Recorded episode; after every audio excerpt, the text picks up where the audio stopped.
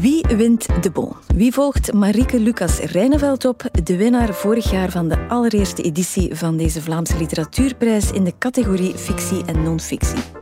Ook dit jaar laten wij u in deze podcast weer vijf weken lang kennismaken met de genomineerden van de shortlist. Mijn naam is Guinevere Klaes en ik heet u een warm welkom bij Letter.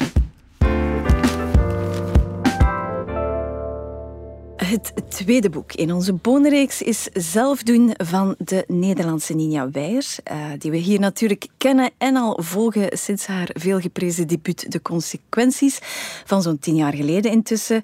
Daar won ze toen onder meer de Gouden Uil mee van de lezersjury. Vandaag heb ik journaliste Lieve van den Velde en columnist, voetbalcommentator en voltijdslezer Filip Joost te gast om het samen te hebben over deze tweede boongenomineerde. Dag Lieve, dag Filip. Hallo. Blij dat jullie er zijn. Jullie hebben het boek allebei gelezen. Enfin, dat hoop ik toch, dat was een beetje de deal. um, Check. en laten we kort maar al heel even spoilen. Hebben jullie het graag gelezen ook? Ik heb het uh, heel graag gelezen, uh, met die nuance dat ik uh, het geen boek vind om in één keer uit te lezen. Het is een boek dat je moet doseren. Okay. In stukjes. Lief heeft me voor de eerste keer en waarschijnlijk niet voor de laatste keer het gras voor de voeten weggemaaid. Want dat klopt, hè. Dat, is, dat is het enige ja, nadeel aan een, aan een verzameling columns. Ja, want uh, laten we misschien toch even, ja. eerst even terugkeren naar het begin. Misschien wil iemand van jullie vertellen welk soort boek dit is en uh, wat er precies in gebeurt. Ja, het is uh, een bundeling ja. van columns die ze voor de Groene Amsterdammer heeft ja. geschreven, denk ik. Af en toe verrijkt met een stuk voor de standaard. We zullen dat verrijkt noemen. Hè. Uh, en, en het is zeer sterk, vind ik. Ik vind echt, je merkt, haar geest knettert in dit boek. En dat vind ik altijd mooi ze schrijft en ze denkt tegelijk. En ik heb bij veel van die stukken het gevoel dat ze niet helemaal weet waar ga ik belanden. En dat ze dat ook niet erg vindt. Wat ik uh, bewonder, mm -hmm. want daarvoor moet je sterk in je schoenen staan. Ze schrijft om iets uit te zoeken. Ja, hè? ja. ja. en dat vind ik zeer knap. Maar dat versterkt wel het gevoel dat denk ik Lieve ook had van het kost ook wel inspanning om telkens mee te gaan op die trip. Want het is echt een trip. Ja. Ja. En niet alleen als uh, de ayahuasca op het einde. Ayahuasca! Dan, ja, dan gaat ze echt helemaal in ja. de trip voor zichzelf. En... Dat is een reportage, voor alle duidelijkheid, waarbij ze ayahuasca neemt. Hè, ja. Ja, ja, ja, ja, ze gaat zo'n ceremonie doen ergens op een eiland in Groningen. In de buurt van Groningen. Maar columns, dit soort van persoonlijke essayistiek, zeg maar, dat genre, is dat iets wat jullie aanspreekt? Mij wel. Mm -hmm. um, inderdaad, als je ze allemaal apart leest, dan denk je van... Ze begint eigenlijk altijd met het idee... Ik zou het soms schrijven van... Als je er even over nadenkt, dan. Dus ja. met iets heel banaals. Bij de pedicure zitten, in de Ikea rondlopen... En dan daarop doordenken. Uh, en zo kom je eigenlijk komt altijd bij een soort van breder inzicht over de wereld, over zichzelf, over de liefde, over de mensen en hoe dat die elkaar zitten. Dat leunt heel hard aan bij wat ik zelf graag doe in mijn manier van kijken en denken. Dus ik vind dat heel herkenbaar en heel fijn. Mm -hmm. Ik zou dat willen aanvullen, soms banaal, maar soms ook, ja, Nietzsche zegt dit. Ja, ja. Uh, de foto van... Uh, ja, dus ze heeft zo'n bagage en tegelijk zegt ze, denk ik, een keer of vijf in het boek, ja, ik ben geen goede kijker, ik ben geen observator. Dan denk ik, please, Ninja. Ja. Ik bedoel, je bent een onwaarschijnlijk goede observator, snap je? Ja. Allee, bedoel... Maar daar zit inderdaad de spanning bij dit soort essayistiek. Je vertrekt van de hoogst persoonlijke ja. ervaringen, waar je zegt inderdaad liever iets heel banaal bewijs. Ja. En dan doe je de intellectuele vertaalslag via het schrijven. Hè? Ja, ja voilà. dan, dus daardoor stijgt het ook wel heel hard uit boven een, een gewone column eigenlijk. En daardoor denk ik dat het ook wel op die lijst staat van de Boon. Mm -hmm. Omdat het net, er wordt zoveel bij betrokken. Je, ja, inderdaad Nietzsche, maar het gaat ook ook over Lou Salome, uh, ja. Joan Didion. Het is wel heel veel name-dropping, maar wel zelden onterecht, vind ik. Voilà. Je hebt niet het gevoel van, allez, Nina, we weten het, je bent belezen, ja, ja. je bent... Nee, of mevrouw Weijers, mag niet te familiair zijn. maar dat gevoel heb je, heb je inderdaad niet, terwijl dat bij anderen zou dat snel stuitend worden. Maar uh -huh. omdat het iedere keer echt wel functioneel is. Ze komt inderdaad, dankzij die andere schrijvers heel vaak, hè, -huh. komt ze toch tot een essentie of tot een eigen gedachte die daar lang schamt. Want ook, dat vind ik ook wel knap. Ze durft ook. Hè. Ik vind het een superboeiend boek. Ja. Uh, en, en ze is echt goed in wat ze doet. Want het klopt dat je een columnboek eigenlijk gedoseerd zou moeten lezen. Maar het lukt wel. Mm -hmm. Het is ons gelukt en niet, niet met oef, het is, het is uit. Ja. Nee, nee. Maar jullie hebben het niet in één ruk uitgelezen, Jawel. kan ik me voorstellen. Of toch? Ik heb het wel Maar vrij misschien- snel uitgelezen, ja. ja. Maar misschien omdat jullie het, de opdracht hadden gekregen. opdracht, ja. Wij moesten daar een podcast over doen. Los daarvan, dan was dat meer een, een nachtkastjesboek, denk ik. Hè? Of niet? Ja, of ik dat zou het zo zonder het denigrerend eh, te willen laten koesterboek willen noemen, Ja. waarbij je, Beter. je leest iets, je proeft iets. Ze geeft ook een literatuurlijst op het einde, dus je kan het gebruiken als startpunt om verder op reis te gaan eigenlijk in haar wereld, of in de literatuur in de brede zin. Dus je kan er eigenlijk veel mee doen. Je, moet erin onderstrepen. Het is bijna hè. een bibliotheek op zich, hè, dat boek. Ja. vind ik. Dat is, Ja. eh, en nu je het zegt, dus jullie zijn lezers die onderstrepen dan, begrijp ik. Ja, Al lezen, met de potlood bij de hand. Of Ik alleen niet? in opdracht. Ah, is doe dat altijd. Ja, nee, ik niet. En waarom niet?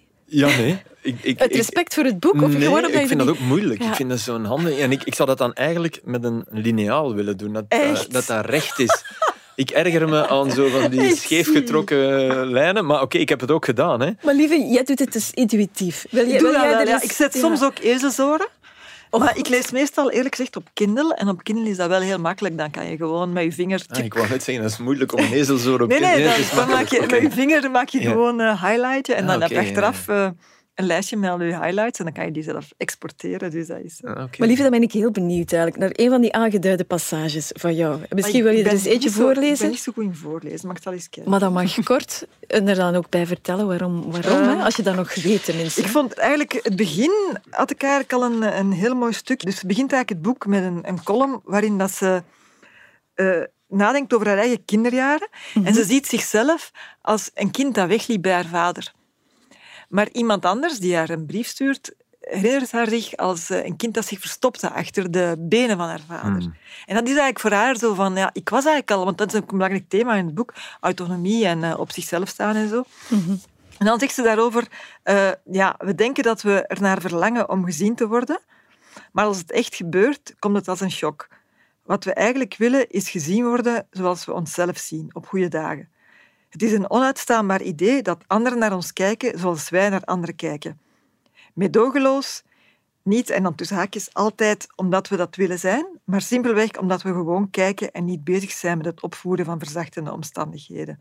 Ik vond dat een heel mooi stukje. Ja. Omdat je daar ook... eh, iedereen kent dat gevoel wel. Het verhaal dat je van jezelf maakt en het verhaal dat anderen van je maken. En ook gewoon letterlijk, als je een video van jezelf ziet, dan denk je ook van, oh my god. Inderdaad. Maar dat sluit heel erg aan bij het stuk waarin ze, ze... Ze krijgt een brief en ze laat die ongeopend. Mhm.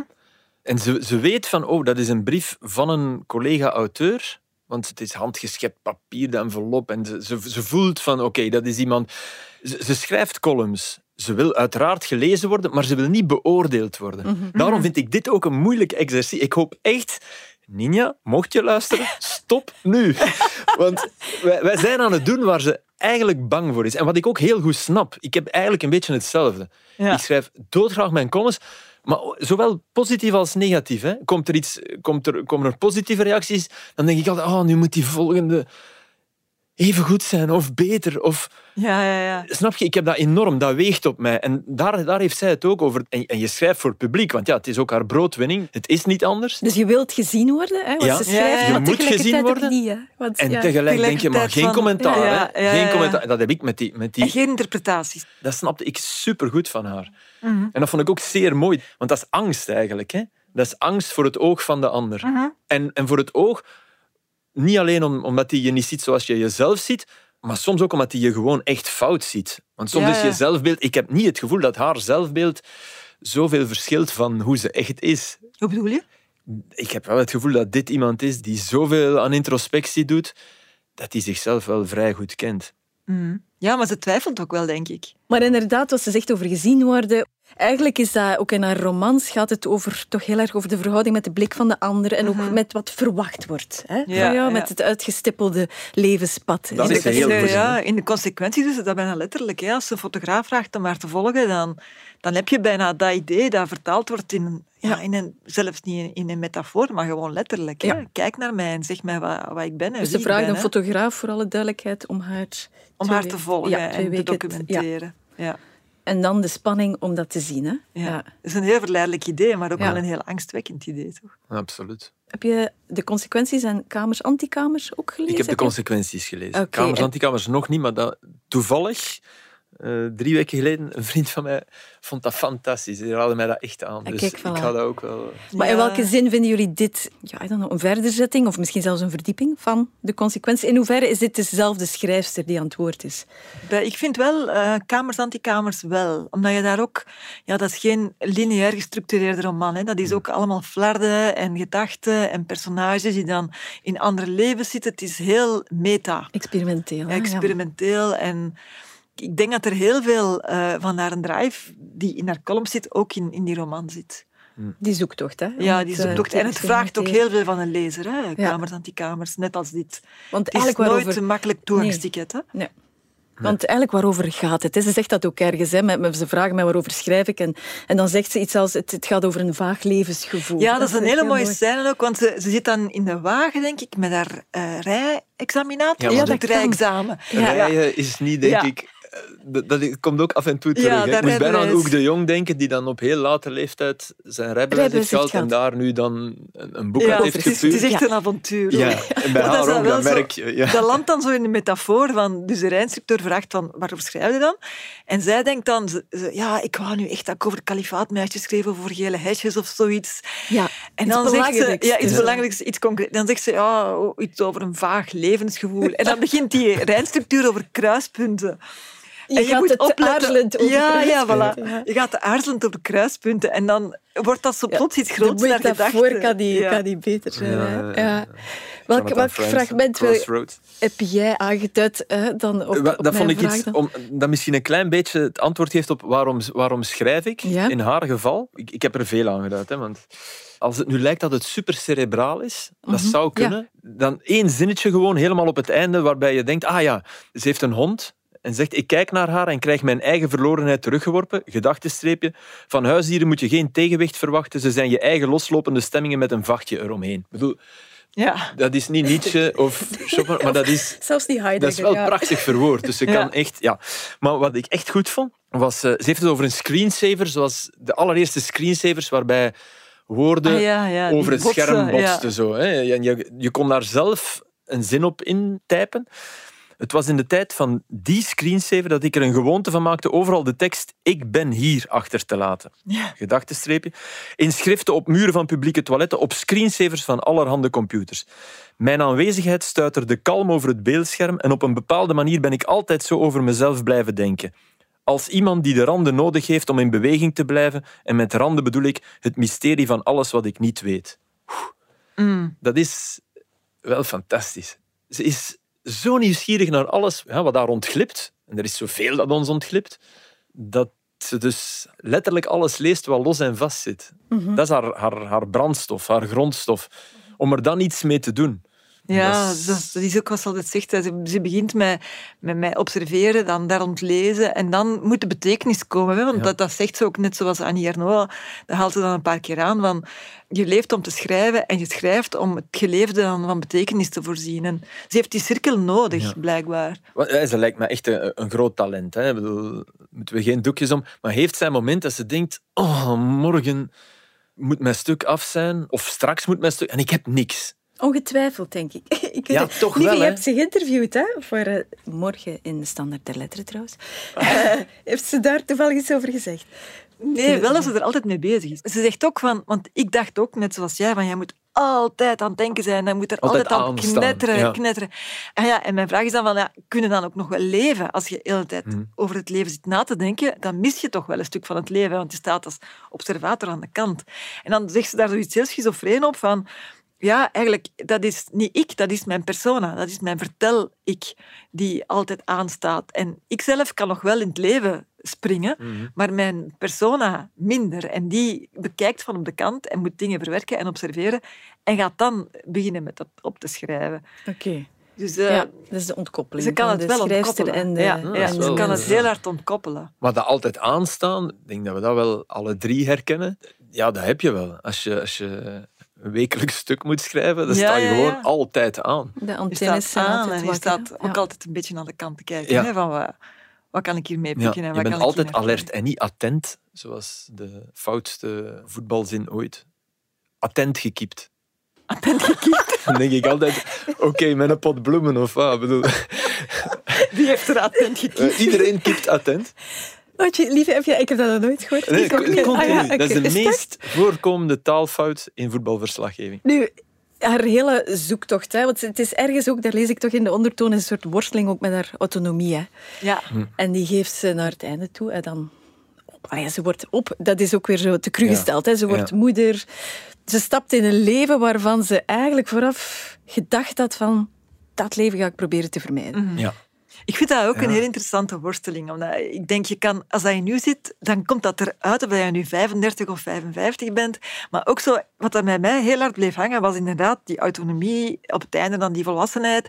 En dan ook zo sommige gedachten van het gastvrouw zijn. Dat, is iets wat je van kleins af aan moet meekrijgen of je hebt dat niet meer. Ik vind dat zo een heel symbolisch iets voor volwassen zijn. Zo de perfecte gastvrouw. Ja, oh ja, dat vond ik ook heel herkenbaar. is heel, ja. heel, een hele grappige gedachte, vind ik dat. Ja. Wat ze weinig doet, vind ik, is uh, linken aan haar ouders. Hè?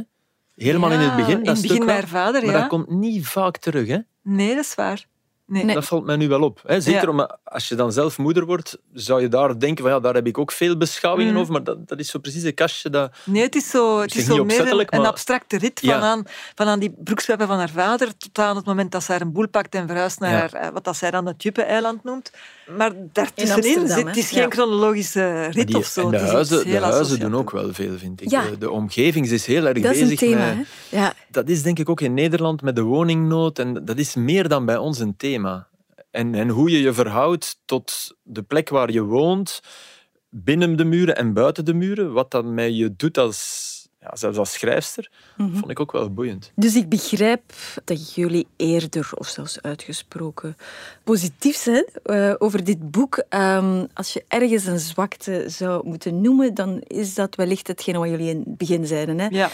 Maar dat is het probleem van elke bundeling columns eigenlijk. Dat het sowieso... Het voelt soms een beetje een kunstmatige verzameling. Omdat je denkt van... Ik, ik, zou ze liever lezen elke week eentje in de Groene Amsterdammer of zo, bijvoorbeeld. En dan, en dan zo een idee opbouwen. Maar ik kan me wel voorstellen dat er mensen zich abonneren op de Groene Amsterdammer om elke week hiermee aan de slag te gaan. Enfin, dat dat een van de redenen is. Ik begrijp wel dat zo'n weekblad haar aan, aan zich bindt. Hè. Dat vond ik ook die na het nietje. Ah ja, dat is fantastisch. Ja, dat vond ik echt zo sterk. ja, na het nietje is dus Allee, sorry, maar dat, is, dat zijn de vrouwen die dan het weekblad mogen vullen. Ja, ja, Zo dus na Nietzsche, op een literaire debatavond wordt ze daarop aangesproken. Wordt ze echt geconfronteerd met, oké, jij bent van na het Nietzsche, Nietzsche. zo van ja, zelfontplooiing. En, dat betekent de columns, de vrouwelijke columns De vrouwelijke columns. En er zijn van dat soort columns die voor mij ver buiten het Nietzsche mogen vallen. Want dat vind ik ook sterk. Als ze over, en niet die van haar bedoel ik, maar als ze over het ik begint. Van, gebruik ik ik in een column? En dat is zo... Daar worstel ik zelf zo vaak mee. Omdat, ja, ik heb daar discussies over gehad met mijn vrienden en met mensen uit het vak. Ik vind ik heel snel aanmatigend. En als ik dat gebruik, dan denk ik, allez, zie mij hier nu. Zij, heeft dat ook. Mag mijn eerste zin in een column ik zijn? Maar als je dat niet doet, dan zeiden die vrienden mij, en, en ik ben daarover beginnen nadenken, ja, dan poneer je eigenlijk heel snel iets als een algemene waarheid, wat eigenlijk veel aanmatigender is. En daar worstelt zij ook wel mee. En dat, dat, klopt, en dat is echt moeilijk, want die je is dan zo'n algemeen. Dus van, ja, dat, is dat is dan de mun, hè? Dat vinden we allemaal. hè? Dat is een mun, maar minder, minder lelijk. dat mag nog. Mhm. En dat klopt wel, en dat is een moeilijk evenwicht. Mhm. om, om, want die ik dan, bij die ik uh, stel je ook weer veel meer bloot aan reacties, hè, mhm. die ze eigenlijk liever niet heeft. Dus dat, dat vond ik heel sterk ook. Maar dus na en voor het nietje is het wereldnieuws. Zijn de grote, en zijn de, de mamazaken en de, en de oorlog. En de, de gele hesjes. Die ja. ja, en na het nietje zijn zo... En... Nu, over die ik, daar zijn een hele ja, essays vol geschreven. Maar jullie zijn inderdaad allebei ook columnschrijvers. Als je dit leest, inspireert dat jullie? Of, of, of in, in welke zin voedt dat jullie ook als schrijver? het observeren stimuleert. Van, ja. het geeft ergens een bevestiging, maar ja, daar haal je toch wel veel uit. Mm Met gewoon te kijken en te luisteren en de menselijkheid en de absurditeit van de menselijkheid ja. zo een beetje te registreren. Dat mhm. vind ik heel inspirerend eigenlijk. Lieve, ik had gehoopt dat je nog iets langer ging praten, want ik ben op zoek naar het perfecte antwoord daarop. Ik heb het gevonden. Aha. Het gaat over, ze, ze moeten, ehm, ja, ik denk een soort eresaluut brengen aan mensen van Keulen Wat ook wel grappig is, Ah, want dan zegt ja, ze, ja, zij mensje en ik, mijn ouders hebben me meisje, Meisje, genoemd, ja. Ninja. Hè? Dus dat, dat vond ik wel, wel fijn. Maar ze zegt, het gaat over, over de personages in die boek van Mensje van Keulen. Zo zou ik het willen doen, denk ik, als ik haar lees. Zo aandachtig en secuur, zo onheilspellend, grappig, vilijn en alledaags, zo onvergelijkbaar. En dan tussen haakjes... En dat was het antwoord op de vraag: heb je er iets uit geleerd? Of wat je zelf zou willen toepassen? Lees haar als je wil leren schrijven, maar denk niet dat zoiets te imiteren is. We hebben het hier over de ziel, niet over een techniek. En dat is zo waar. Ja, ja. Ik kan soms echt jaloers zijn op een stuk dat ik lees. En dat hoeft, dat hoeft niet mijn vakgebied te zijn. Gewoon. Maar dan denk je, ja, nee, denk nu echt niet van ik ga het ook eens zo doen. Want dat is net het fijne aan schrijven.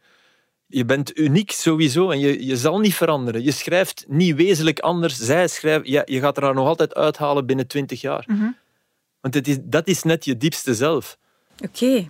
Dus als je zegt, we gaan er haar over twintig jaar nog altijd uithalen, waar zit hem dat dan precies in haar blik, hè? als ik het goed Ja, begrijp? hè? ja, voor mij wel. Ja. In die vertaling van die blik. In de blik en de vertaling van die blik Ja. naar iets groters. En in het durven moeilijke dingen aanpakken, vind ik. Con- eh, een beetje contrair zijn. Zo. Het gaat dan, ze gaan naar haar yogaschool.